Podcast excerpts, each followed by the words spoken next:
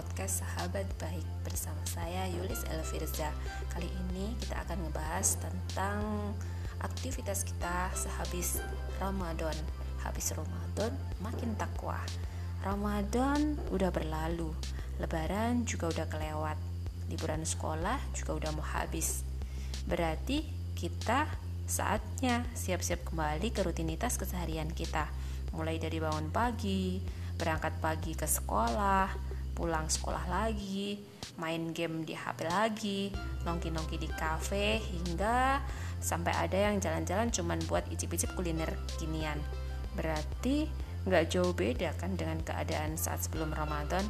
Ada lagi nih sayangnya, ada juga yang remaja-remaja yang justru dia kembali bermaksiat lagi. Saat Ramadan sih jaga jarak sama pacarnya dan hampir tobat lantaran ingat dosa dan perhitungan di akhirat. Tapi really setelah Ramadan nih cahaya iman makin redup. Godaan setan mungkin kian gencar ya atau ketakutannya akan dosa mendadak bubar. Padahal kalau kita pikir-pikir lagi, idealnya setelah Ramadan kan kita mestinya makin taat. Lantaran apa? Selama satu bulan kita kan udah digembleng untuk nahan lapar, nahan haus, nafsu, syahwat, dan jauh dari maksiat. Sebaliknya, kita mesti dibiasakan untuk taat syariat dan ketol buat beribadah. Sebenarnya kalau kita ngikutin teori gitu ya sebuah teori membangun kebiasaan positif atau good habit itu butuh satu bulan sudah cukup. Buat apa? Buat e, menjadikan perilaku positif itu sebagai kebiasaan sehingga kebiasaan itu berjalan secara otomatis tanpa beban.